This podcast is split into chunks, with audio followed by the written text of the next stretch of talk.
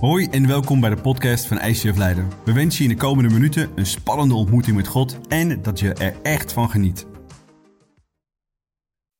De derde Adventszondag is ook tegelijkertijd de middelste Adventszondag. En dan komt de grote vraag: is God het middelpunt van ons leven? Dit pand is al 404 jaar het middelpunt van echte worship, voor onze echte God, voor onze echte Jezus en zijn Heilige Geest. En we hebben heel specifiek voor dit topic gekozen: hoe ga ik om met zorgen? Omdat of zorgen zijn ons middelpunt, of God is ons middelpunt. En beide hebben enorme consequenties in ons leven. En ik hoop met heel mijn hart dat God het middelpunt van je leven is, want Hij doet al honderden, duizenden jaren over om ons dat wijs te maken. Ik ben bij je. We lezen dat in Matthäus 1, vers 23. De maagd zal zwanger worden, Maria dus, en een zoon baren, Jezus. En men zal het kind Immanuel noemen. Wat betekent God is met ons. Dat is de kerstboodschap altijd geweest. En dat zal die ook altijd blijven. God is met je. Elk moment. In een diep, een donker dal. Elk moment als het hele leven tegen je zit. Elk moment als je totaal niet meer ziet zitten, is Hij bij je. Hoe weten we dat? Omdat het altijd al zo geweest is. En het zal altijd zo blijven. Want toen Jezus kwam als een babytje, was hij toenaderbaar. God is met ons. Een baby op het scherm. Komt hij. Halleluja. God is met ons, Immanuel. Maar we weten ook dat God niet alleen met ons is, maar dat hij ook voor je is, want hij stierf voor jou aan het kruis om datgene weg te nemen wat jij zelf niet weg kon nemen. Is Jezus voor je? Ja, geef hem een groot applaus. Maar God is ook in ons, want met, hij heeft ons de Heilige Geest gegeven. Dus kerst betekent God met ons, Immanuel. Pinksteren betekent niet, betekent niet meer en niet minder. God is in ons met zijn Heilige Geest. En Pasen, God is voor ons, omdat hij zo verschrikkelijk veel van jou houdt. Is hij altijd bij je? Sommige mensen twijfelen nog. Aan het eind van deze message zeg je halleluja, praise the Lord, breek je de hele tent af. Hey, laten we dat samen gaan doen om te gaan snappen en begrijpen hoe we met zorgen om moeten gaan. Filippenzen 4 vers 6, een van, vers 6 zegt, een van mijn favoriete versen. Maak u nergens zorgen over. Maar bid voor alles. Uh-oh. Heb je dat gedaan de afgelopen weken? En vraag God wat u nodig hebt dankbaar, niet zeurend, niet tergend, niet wanneer hij dat gaat doen, maar dankbaar voor alles wat hij doet. Fijker, leg ons uit hoe we met zorgen om moeten gaan. Ja, want heel vaak als wij bidden, dan delen we onze zorgen met God. En God vindt het fantastisch als jij jouw diepste gedachten, jouw uh, wat dan ook, met hem deelt. God vindt het fantastisch als wij onze zorgen met hem delen, want God wil deel zijn, deel uit zijn van ons leven. En God wil niet alleen maar een toeschouwer zijn die maar staat toe te kijken. En ik heb me gerealiseerd dat wanneer ik mijn zorgen met God deelde, ik mij niet altijd beter voelde, maar soms juist ook slechter. En hoe komt dat? Hoe, hoe komt het dan dat ik me dan juist slechter voel wanneer ik mijn zorgen met God deel? En ik realiseerde mij dat wij kampioen zijn in het uitvergroten van onze zorgen. Wij maken onze zorgen groter dan dat ze daadwerkelijk eigenlijk zijn. We zijn kampioen in het nadenken over elk detail wat erbij komt kijken. We kunnen het ons perfect inbeelden. We denken van, maar wat nou? Wat zal hij wel niet van me denken? Wat zal zij wel niet van me denken? Maar ik heb dit gedaan. Wat moeten alle mensen wel niet van mij denken? En één probleem wordt zo groot dat wij niet meer geloven dat God nog een oplossing heeft voor ons probleem. Wij denken dat onze zorgen veel groter zijn dan onze God. En wat we dan doen, is dat we onze God in deze bak met zorgen stoppen. En we zien niets meer terug van God in ons leven. En we zien alleen nog maar de zorgen die ons dwars zitten in ons leven. Ja, we zijn letterlijk kampioenen om zorgen in ons leven en problemen groter en groter en groter te maken dan dat ze in werkelijkheid zijn. En dat snappen we en begrijpen we, want ons inbeeldingsvermogen is daartoe maximaal toe in staat. Je kunt je inbeeldingsvermogen gebruiken hè, om te dromen van wat God door je heen kunt doen, maar je kunt ook als er zorgen komen eh, die je zelf veroorzaakt hebt, of als God je aan het testen is, oftewel aan het laten groeien is, dat zo'n zorg, zo'n probleem groter wordt, groter wordt met de week, met de maand. En mijn vraag nu is, wat is nu jouw grootste zorg? Wat is nu jouw grootste issue? En hoe ga je daar automatisch mee om? Zorgen, zorgen, zorgen. Nog groter, nog groter. Oh ja, als ik er nu over nadenk. Oh man, oh my gosh. Hoe groot is het? Ik wil je meenemen in de Sedona-methode. En dat is een fantastische manier in de psychologie om jezelf vragen te stellen om met problemen om te gaan. De eerste vraag is: hoe kan ik deze bezorgdheid accepteren? Hoe? Of kan ik deze accepteren? De volgende is: kan ik deze bezorgdheid loslaten. En je voelt al, ja, maar loslaten is nog meer onzekerheid. Vasthouden is meer zekerheid, toch? De derde vraag is: wil ik deze bezorger überhaupt loslaten? Nee, want ik vind het zo lekker. En de laatste en misschien wel allerbelangrijkste vraag is: wat zou er moeten gebeuren voor mij om deze bezorgdheid los te laten? Dat het nog moeilijker wordt, dat je nog onmogelijker wordt. Dat je eerst alles zelf wil doen. Dat je eerst alles zelf wil proberen. En dan ooit misschien, als je echt, echt, echt, echt aan het eind van de lijn echt, echt, echt, echt niet anders kan. Misschien een klein beetje, als het echt dan toch maar moet. Oké dan, God. Kom er ook maar bij. Fijk, hoe kunnen we ervoor zorgen dat deze problemen ons niet alleen maar groter worden? Ja, want als we God in onze grote bak met zorgen stoppen, ja, dan gaat dat niet werken. Want we zien er niks meer van terug. Ons perspectief op God is eigenlijk helemaal verkeerd. We moeten het gaan omdraaien. We moeten onze zorgen moeten we kleiner maken. En onze God, die moeten we groter maken.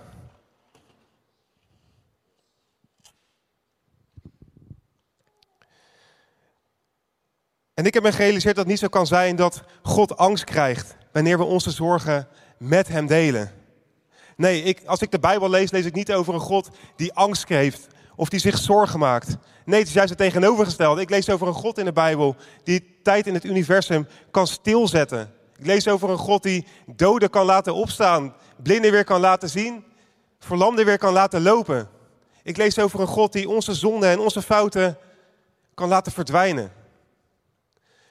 Ik lees over een God die ons vergeeft. Keer op keer op keer vergeeft God ons zonder ook maar achterom te kijken. En dat is onze God. En ik denk dat we dit perspectief nodig hebben. We moeten onze zorgen en God in het juiste perspectief zien. En de sleutel is dat we onze God niet moeten vertellen hoe groot onze zorgen zijn. Nee, we moeten onze zorgen vertellen hoe groot onze God wel niet is. En we moeten niet alleen onze zorgen bij God neerleggen, maar eigenlijk ons hele leven. En wat we dan na afloop zien, zijn niet onze zorgen in ons leven, maar we zien hoe groot God is en dat God een God van wonderen is. Ja, en als we dan zorgen hebben, dan moeten we dus inderdaad niet naar God toe gaan en zeggen: God, ik wil dat, ik wil zus, ik wil. Klinkt dat als een volwassen persoon of als een kind? Klinkt veel meer als een kind. Een kind is in zijn eerste fase: geef me, geef me, geef me, geef me, geef me. Weet je wat, wat zegt God in de tussentijd? Vertrouw me. Op wat? Op wat hij in zijn woord al lang al heeft laten zien wie die is. En wat hij voor jou kan betekenen. Alleen durven het echt te vertrouwen. Gaat geloof altijd om geloof?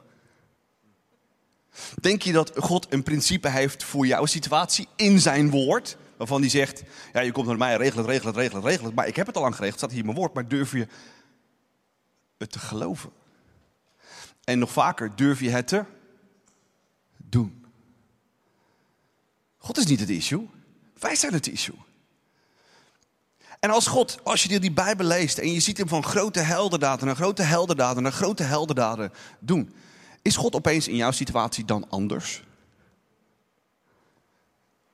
God is toch altijd dezelfde? Alleen wij zijn anders. En wat is in ons anders? Ons geloof is anders. Durven we echt op zijn woorden te gaan staan, op zijn principes te gaan. U heeft dit beloofd en ik spreek dit uit in deze situatie. En als ik dat moet doen wat hier staat, dan doe ik dat gewoon. Dat is geloof.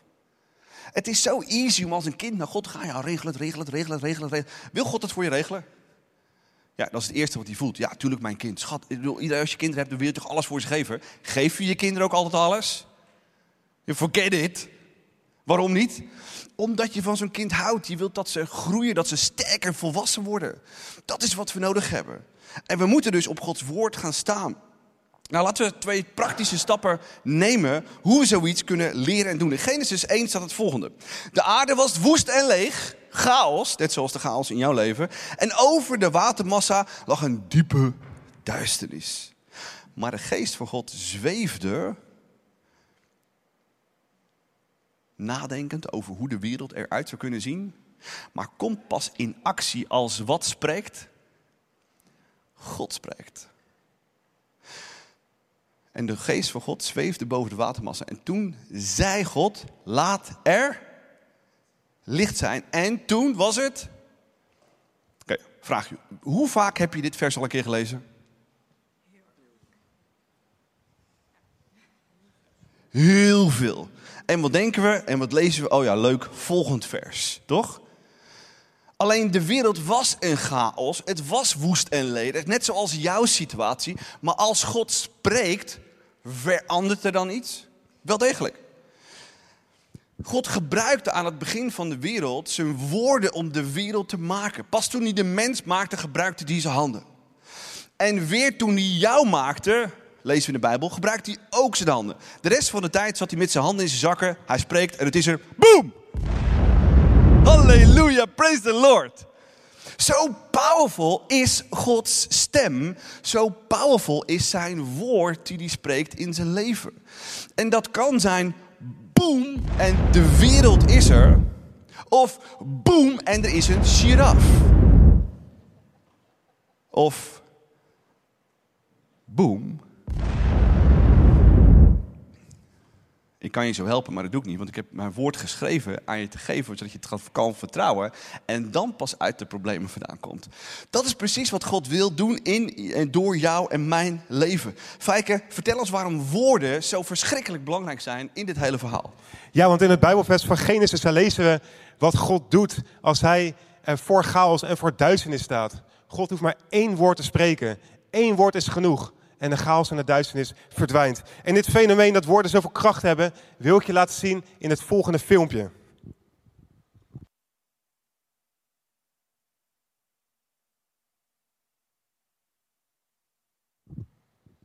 Nou kijk, en dit zand stelt eigenlijk ons leven voor. Vol met chaos en duisternis. En de vraag is, wat kan je hieraan doen? Wat kunnen we doen om uit deze chaos te komen? En één ding wat het wereldse perspectief ons vertelt, is dat we alleen maar positief hoeven te denken. Ah, morgen wordt alles beter. Het komt allemaal wel goed. Maar het probleem is, het zand is nog steeds daar. Of ik kan het zelf gaan oplossen met, met positief denken. Teken ik als het ware wat smileys in het zand. Maar als ik er smileys in teken, het zand, de chaos, is nog steeds daar. Maar wat we ook kunnen doen is begrijpen dat God iets heel bijzonders heeft verweven in zijn schepping. Laten we verder kijken.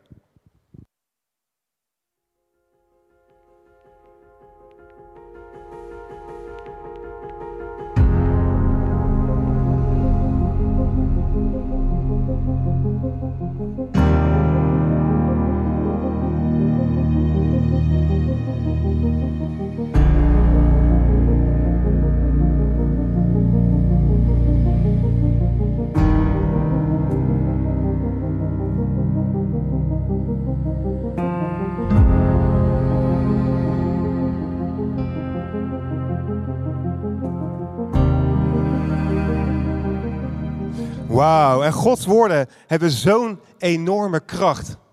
Eén woord en het hele beeld verandert. Het wordt een mooi beeld. De chaos gaat weg en er wordt een mooi beeld gecreëerd door zijn woorden. En het is belangrijk om te weten dat dit twee kanten op kan gaan. Het kan een negatieve kant op gaan. Als we maar blijven zeggen van ik ben lelijk, of ik ben dom, of ik doe er niet toe, of ik ben niet goed genoeg. Ja, dan creëren we onze chaos. Maar het kan ook de positieve kant op gaan. Als we positieve goddelijke waarheden over ons leven uitspreken van ik ben freaking awesome, want God heeft mij gemaakt. God is altijd bij mij. Ik hoef niet bang te zijn voor mijn zorgen. God houdt van mij, want Hij is mijn vader. En wat dan chaos is, dat zal mooi worden. Er zal een mooi beeld worden gecreëerd. En onze woorden hebben zo'n enorme kracht. En daar moeten we ons ook echt bewust van zijn. Van wat we zeggen en wat we uitspreken, dat doet iets. Ja, zeker. Want we weten allemaal dat onze tong, leert de Bijbel ook, kan beschikken over leven en dood. Nou, zowel in het praktische, iemand wel eens afgebrand door iemand. Echt gewoon helemaal tot de grond af. Ja, leven en dood. Iemand wel eens helemaal opgebouwd door iemand. Die zegt, oh, nu raak je echt mijn hart met wat je zegt. Oeh, ook meegemaakt? Ja, dus zowel in het praktische als in het geestelijke merken we dit. Dus praktisch hebben we dat al ervaren. Maar in datgene wat we niet zien, in het geestelijke, maar wat je wel nodig hebt, een oplossing uit het niets vandaan, bij God vandaan, om jou te helpen, werkt het eigenlijk precies hetzelfde. En wij moeten ontsnappen en begrijpen dat als problemen en zorgen komen, aan welke bron klemmen we ons dan vast? Iemand wel eens meegemaakt ehm, dat dan, um, er komt ergens iets in je leven, je bent al twintig jaar volgeling van Jezus en je, je merkt echt, je wil gaan vloeken, schelden, tieren, alles komt eruit. Ben ik de enige hier? Oh, mensen zeggen, oh. Dus je kunt, als dat soort situaties komen, en je hebt het misschien wel zelf totaal stuk gemaakt, je vasthouden aan de eerste bron, dat is de duivel. Zie je wel, ik ben slecht. Zie je wel, ik doe er, doe niet toe. Zie je wel, en misschien wel zo heftig dat je zelfs wel een eind van je leven wilt maken, omdat je zo vindt, zo slecht als je bent. Is dat iets van God? Of is dat iets van de boze? Dus we moeten weten aan welke bron klampen we ons vast, bewust. Gebeurt het vaak onbewust? Daar zit het issue. We moeten bewust vastklampen aan God zelf en niet aan die van de boze. En we hebben het allemaal meegemaakt. Zie je wel, zie je wel, zie je wel, zie je wel, zie je wel. Opbouwend of afbouwend? Afbouwend. Je kunt je ook vasthouden aan de tweede bron. Dat is me, myself and I, I'm freaking awesome. Ja, nog meer mensen die zo freaking awesome zijn als ik? Ja. Ja. Nou, ik ben freaking awesome, maar ik weet dat God groter is. Maar als je niet uitkijkt, dan denk je, ja, maar ik denk toch dat God, God voor mij vraagt dat ik ietsje meer doe, ietsje harder loop, ietsje meer geloof, ietsje meer mijn best doe, ietsje meer, ietsje meer, ietsje meer, ietsje meer, als ik maar ietsje meer. Wat is dan de oplossing? God of ik? Ik. Doen we dit heel vaak? Weer onbewust?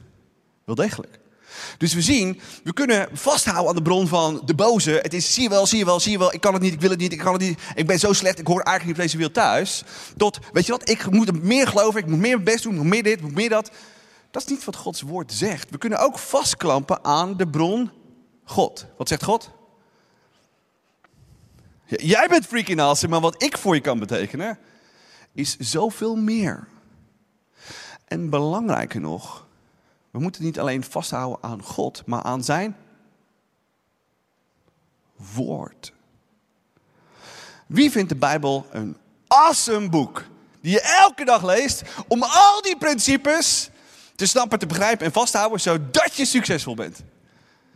Iedereen voelt zich nu schuldig. Was niet mijn bedoeling. Maar daar zit het issue. Want Gods woord is als een wat? Is een botmes, grappig mes, leuk mes, ook wel een oké mes als je hem een keer nodig hebt of zo. Twee snijdend, scherp zwaard aan twee kanten. Alleen we minachten dat boek te vaak denken, ja, ook leuk, grappig, cool. Maar mijn issue, ja, mijn issue is echt zo bijzonder, zo groot, zo heftig. Ja, nee, dat is echt onmogelijk voor God. En we lezen ook in het woord van God, in Johannes, staat het volgende. In het begin was het woord en het woord was God. En het woord was ook God. Wie was het woord? Jezus. Het woord was bij God in het begin. Jezus. door het woord is alles ontstaan. En zonder het woord is niets ontstaan van alles wat bestaat. En het woord ontstaan in een oude vertaling betekent davar. En het heeft eigenlijk vier um, betekenissen. Een betekenis, het ontstaan. Of het is een woord, of het is een kracht, of het is een daad van doen wat God voor jou en mij kan betekenen. En wat we dus moeten snappen, is woorden, situaties en dingen ontstaan als we iets uitspreken. Iemand wel eens de volgende exercitie gedaan. Er komt een issue. Super groot. Totaal met je rug tegen de muur. En het eerste wat je besluit is, ik ga Gods woord in, ik zoek een vers in een principe wat daarbij hoort. En je spreekt dat uit. En jullie denken allemaal, ja, maar denk je nou echt dat dat een verschil maakt? Geloof is geloof, toch? Doe, waarom geef je je tiende misschien aan de kerk? Is toch geloof? Dat je afhankelijk wilt zijn van God en dat je gelooft dat als je voor Gods kerk en Gods mensen dat Hij voor jou zorgt. Wanneer gaf je je leven aan Jezus? Snapte je wie die was, wie die werkelijk was, wie die werkelijk voor je? Nee, het was geloof. En het woord van God is ook geloof in ons leven. Maar durven we daar echt op te gaan staan, zodat het leven ook echt verandert, zoals we die woorden uitspreken in ons leven? Fijk, leg ons het uit. Ja, en het heeft eigenlijk alles te maken hoe we in situaties reageren met de amygdala. En de amygdala is een deel van de hersenen dat het functie heeft om onze gevoelens en situatie te evalueren. Het heeft alles te maken met het opnemen wat er om ons heen gebeurt. En in een split second vertelt de amygdala hoe ons lichaam moet reageren. En men heeft onderzoek gedaan met laboratoriumratten, labratten. En belangrijk is om te weten dat labratten eigenlijk nooit een roofdier hebben gezien. Bij het horen van een L vluchten ze weg. Want de amygdala die vertelt, je moet wegwezen, eh, je kan wel worden opgegeten. En ze rennen, ze rennen, ze vluchten weg. Ze hebben wat testen gedaan met de amygdala, want je kunt de amygdala ook herprogrammeren om anders te gaan reageren. Je kunt bijvoorbeeld herprogrammeren op een positieve manier. Zoals een muis die een leeuw aanvalt. Zie je het ervoor? Is toch bizar? De amygdala vertelt de muis dat hij niet bang hoeft te zijn. Maar het kan ook de andere kant op gaan. Dat de amygdala de kat vertelt om bang te zijn, om weg te vluchten voor een muis. En het kan twee kanten op gaan. En wat wij willen doen is door Gods ogen kijken naar de situatie waar, waar wij ons in bevinden. Maar we willen ook niet die twee extreme kanten op gaan. Zoals wat we als een muis en leeuw aanvallen. Want dan brengen we eigenlijk onszelf onnodig in gevaar. Maar we willen ook niet zoals die kat zijn. Die buigt en bang is voor die muis. En ik vroeg me af, hoe vaak ben jij die kat geweest? Die bang was voor die muis. Een paar jaar geleden was mijn amygdala ook verkeerd hergeprogrammeerd. In een split second vertelde mijn amygdala dat ik moest gaan vluchten, dat ik moest gaan vermijden. En ik werd bang, ik werd angstig. Maar wanneer wij positieve goddelijke waarheden over onze situatie uitspreken, bijbelse waarheden, dan heeft dat invloed. En het heeft zelfs invloed op onze gezondheid. Als wij het programmeren in de richting van hoe God ons gemaakt heeft, dan gebeuren er waanzinnige dingen. We genezen sneller. We genezen sneller van astma, van artrasis, van hartaanvallen. Het is amazing wat Gods waarheden kunnen doen in jouw situatie. En Gods waarheid kan ons helpen om die amygdala op een goede manier te herprogrammeren. Want die zegt hoe God ons heeft gemaakt en hoe Hij het bedoeld heeft. En het is net zoals met het voorbeeld van het zand. Want we hebben gezien dat als wij zijn waarheden uitspreken, chaos en duisternis verdwijnen. Er ontstaat een mooi beeld. En wat voor mij werkt, dat kan misschien ook voor jou werken. Je kunt bijvoorbeeld een Bijbeltekst uitkiezen zoals Genesis 1. En die gaan lezen. En je kan er een woord uitpakken dat jou opvalt. En die kan je keer op keer hardop gaan uitspreken. Laten we bijvoorbeeld het volgende Bijbelvers nemen. 2 Timotheus 1 vers 7 staat. Want God geeft ons niet een lafhartige geest, maar een sterke geest. Vol liefde en bedachtzaamheid. En beeld je nu jouw situatie in. Misschien ben je nu zoals die kat die bang is voor die muis. Misschien heb je angst, maar dan lees je de volgende woorden. Een sterke geest. En je gaat die woorden hardop uitspreken. Of het zijn de woorden liefde en bedachtzaamheid. En je gaat ze uitspreken, net zo lang, totdat die woorden waarheid zijn in jouw leven. Net zo lang tot jouw amygdala is hergeprogrammeerd. Of misschien hou je er iets heel anders uit. Maar pak die woorden uit de Bijbel die we uitspreken. Want in de Bijbel lezen we ook dat ieder woord dat in de Bijbel staat, is geïnspireerd door de Heilige Geest. En dat kan echt wat veranderen in jouw situatie. Deze message zo langzaam aan afsluiten. En ik hoop met heel mijn hart dat je ergens het verlangen gekregen hebt. En heel anders naar Gods woord bent gaan kijken. Misschien zeg je nog steeds: het zijn woorden, het zijn leuke verhalen. Maar het is zoveel meer dan dat. Gods woord staat vol met wie Hij is. God heeft alles gedaan in duizenden jaren tijd dat we dat allemaal in één boek hebben. Überhaupt, dat is al een wonder. En elke keer als we Gods woorden nemen die hij uitgesproken heeft in de geschiedenis, in de situatie bij mensen, dan deed hij dat heel bewust uit het diepst van, mijn hal, van zijn hart om te laten zien dat hij echt God is. En elke keer als wij zo'n vers in principe nemen en we laten het over onze tong naar buiten rollen, verandert dat niet alleen ons hart, maar zeg je ook tegen God, ik verwacht het alleen maar van u. Denk je niet dat God dan in actie komt? Ik geloof het met heel mijn hart. En ik doe het met heel mijn hart. Want zodra we Bijbelversen gaan proclameren naar God toe, dan verandert anders alles. En dan komen we ook steeds, worden we volwassener in ons geloof. En Paulus wenst ons dat in 1 Johannes 2, vers 12. Daarin laat hij zien dat er levels zijn in geloof. En dan zegt hij het volgende. Ik schrijf u dit allemaal, vrienden. Vrienden hier, hij schrijft tegen jou. Applausje voor Paulus. Ja, fantastisch. Dankjewel, Paulus. 2000 jaar geleden, maar nog steeds relevant. Omdat uw zonden vergeven zijn door wat Christus voor u gedaan heeft. Applaus voor Jezus, toch? Halleluja, praise the Lord. Ik schrijf u dit allemaal, vaders. Dit is het laatste en hoogste level van geloof. Waarom? Omdat u Christus kent, die er vanaf het begin van je geloof al geweest is. En misschien geloof je al tien jaar, of misschien al twintig jaar, of misschien al dertig jaar.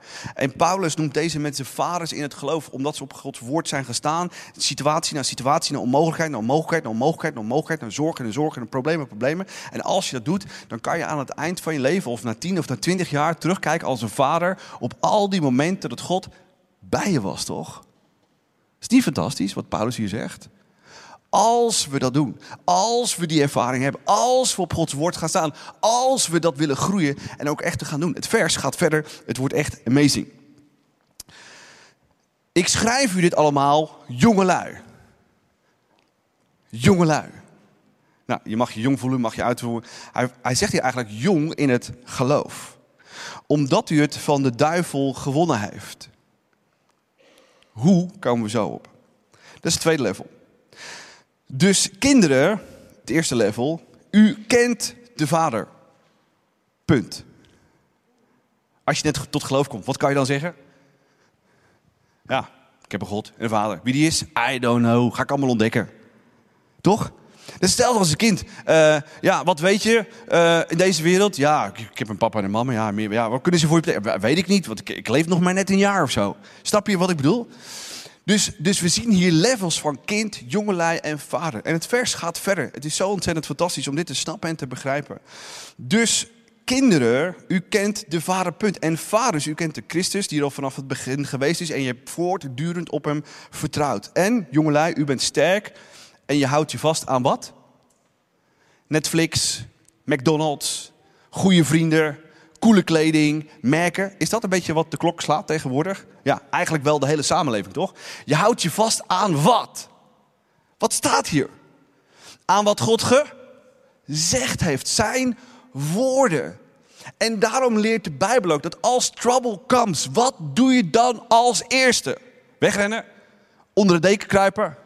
Nee, je gaat naar Gods woord toe. Wat is de situatie? En waarin Gods woord zegt hoe ik ermee om moet gaan. Je pakt dat vers en je proclameert dat vers. Dat verandert jouw hart, maar het verandert ook de situatie en raakt Gods hart aan. Je wil God willen bewegen en je kunt God alleen maar bewegen als je hem boven alles zet. Is dat geloof? Oh my gosh, wat is dat geloof?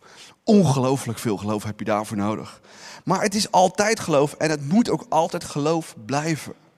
De Bijbel is het levende woord van God. Wat jouw actuele leven ook kan veranderen.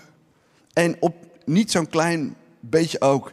Mijn vers voor komend jaar is, wat ik wil proclameren, is het volgende vers. Ezekiel 36. Dan zal ik u een nieuw hart geven. Ari, is je hart dan zo hard? Nee, maar wel een beetje beschadigd van de afgelopen 2,5 jaar. En ik wil groeien en ik wil genezen en ik wil deze woorden uitspreken. Dat ik ondanks alles, ondanks de angst, ondanks de stress, ondanks de onmogelijkheid, ondanks dat God heeft laten zien wat hij heeft kunnen doen, dat mijn hart nog zachter wordt, wat er hard geworden is de afgelopen twee jaar. Ik zal het hart van steen uit uw lichaam wegnemen en een hart van vlees en bloed geven. En ik ga dit vers proclameren. Dagelijks, wekelijks, zien wat de Heilige Geest in mijn leven gaat doen. En dat is wat we moeten doen. Want dan verandert er iets in ons leven. Wie kent het nummer It is well with my soul? It is well with my soul. Iemand wel eens zielpijn in hele heftige situaties? Wat zei, wat zei David tegen zijn ziel? It is well with my soul. Grappig nummer toch? Maar de situatie waar dit nummer uit geboren is, dit is de meest recente versie van Bethel, was heel diep. Want het was Horatio Spafford, die leefde in Chicago. Architect was, een ouderling in een kerk. Hij was een toparchitect en maakte het ene gebouw, het ene huis naar het andere huis en verhuurde dat. Chicago is een waanzinnige stad. Maar in The Great Fire of Chicago brandde alles af wat hij tientallen jaren opgebouwd had. En hij vroeg zich af, God, wat moet ik doen? En God sprak, ga naar je beste vriend in Engeland, Moody, want ik ben daar bezig met een opwekking. Zijn vrouw Anna Spafford stuurt hij vooruit. Niet met het vliegtuig, maar met de boot destijds. Met vier kinderen. Annie, Maggie, Bessie en Tanetta. En halverwege die reis is er een klein schip wat dit grote schip aanvaart, zinkt en de vier kinderen overlijden en de moeder blijft leven. Ze komt aan in Engeland en stuurt een telegram naar Horatio. Het onmogelijk is gebeurd. Het schip is gezonken. Onze vier kinderen zijn overleden.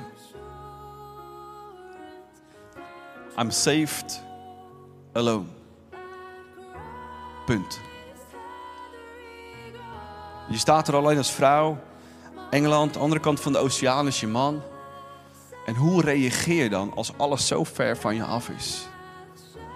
Hij besluit ook in een boot te stappen, maar zijn vrouw toe te gaan. En op de plek op die oceaan, waar zijn kinderen verdronken waren, zegt hij: It is well with my soul. Het waren Davids woorden. En de vraag voor ons is vandaag: durven we in de meest diepe, donkere dalen van ons leven het echt alleen maar van Gods woord. Wat leven geeft. Wat scherper is dan een tweesnijdend zwaard. Te gaan staan en uit te spreken. En op die plek raakte God hem aan. En schreef hij dit nummer. It is well with my soul. Waarom? Omdat als God bij je is, het beste altijd nog voor je ligt. En dat is wat we mee moeten nemen. En dat is wat we moeten gaan doen.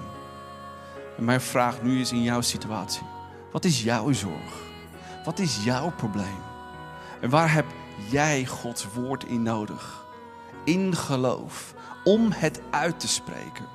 En het echt alleen maar van Hem te verwachten. De afgelopen twintig jaar heb ik tegen God gezegd: Ik geef uw koninkrijk de hoogste prioriteit in alles. En dat betekende zo ontzettend vaak dat ik zelf een lagere prioriteit had. Of als gezin een lagere prioriteit hadden. Wat soms zo pijnlijk was. Maar we ervaarden één ding. Als ik God de hoogste eer en prioriteit geef, in geloof, dan is Hij mijn verzorger. Ik hoop met heel mijn hart dat je geen kind wilt blijven die alleen maar zegt: Ik heb een vader. Waarin je naar je vader toe gaat: Ik heb dit nodig, ik heb dat nodig, ik heb zus nodig, ik heb dat nodig. Maar dat je één ding zegt: Ik wil geloven, strijden met uw zwaard van geloof. En niet opgeven. En altijd winnen. In wat voor situatie dan ook. Wat voor vers heb jij nu nodig om mee te strijden, om uit te spreken? Vandaag, morgen, volgende week of volgend jaar. When the shit hits the fan. Maar jij weet, God en zijn woord is een levend iets. Wat mij elke keer weer redt uit wat voor situatie dan ook. Zullen we dat gebed samen staan bidden? Heer, dank u wel voor wie u bent. Dank u wel voor uw liefde, voor uw trouw. Dank u wel dat u ook mens was. En als u verleid werd in de woestijn door de boze, deed u precies wat u moest doen. U strijdt met het woord van uw vader. U had geen brood nodig. U had geloof nodig. En u sprak dat uit. En hoe u ook verleid werd. En hoe wij ook verleid worden. Of onze eigen problemen creëren. Of andere mensen ons in problemen brengen. Alleen uw woord, uw principes voor het leven. Geven leven in overvloed. En Jezus, vandaag willen we eerlijk zijn. Dat we zo vaak onbewust misschien wel naar de bron van de boze, de duivel grijpen. Om te zeggen dat we er niet toe doen. Dat we tekort schieten, dat we fout zaten. En misschien zelfs wel dat we niet meer willen leven. Misschien zoeken we naar de menselijke bron. Dat we zelf harder willen lopen, zelf meer doen, zelf oplossen en zelf ons groot maken als God.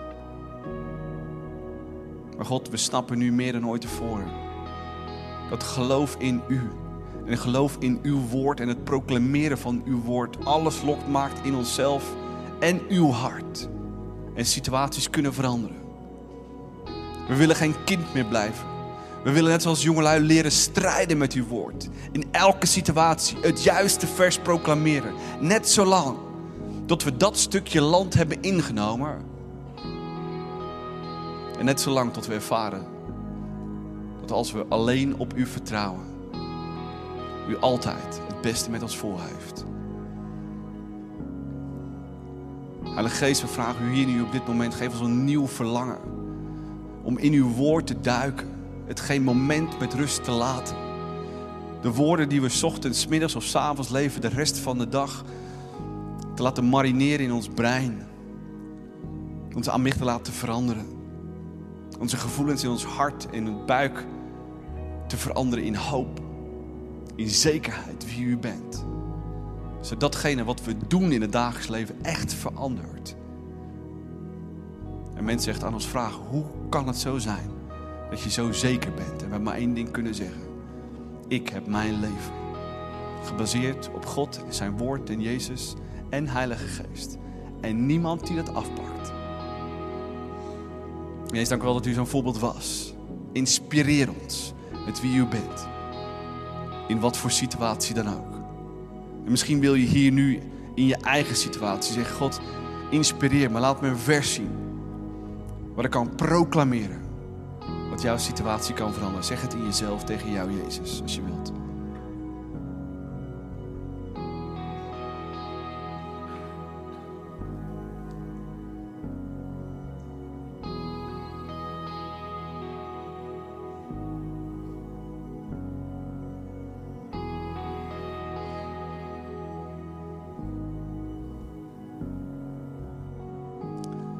Wees dank u wel dat u ons gehoord heeft.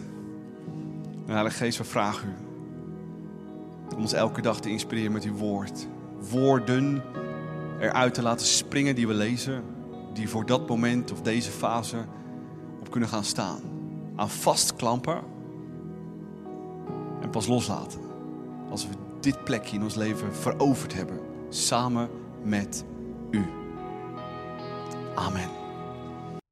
Wij hopen dat deze podcast je heeft geïnspireerd en verder geholpen heeft in je relatie met God. Wanneer deze podcast je geraakt heeft en je de inhoud ervan wilt helpen verspreiden, deel dan deze aflevering op jouw favoriete social media platform. Op deze manier horen meer mensen over Jezus en deze boodschap van hoop. Je kunt ons ook financieel ondersteunen, waardoor we een maximaal bereik krijgen op het internet en nog meer mensen nieuwe hoop krijgen. Bedankt voor alles wat jij mogelijk maakt. We geloven dat kerk een familie is, dus of je nu live erbij bent of online meeluistert, we willen jou graag persoonlijk leren kennen. Als we jou persoonlijk verder kunnen helpen, dan horen we dat graag. Check voor info en meer mogelijkheden op onze website. Fijne dag.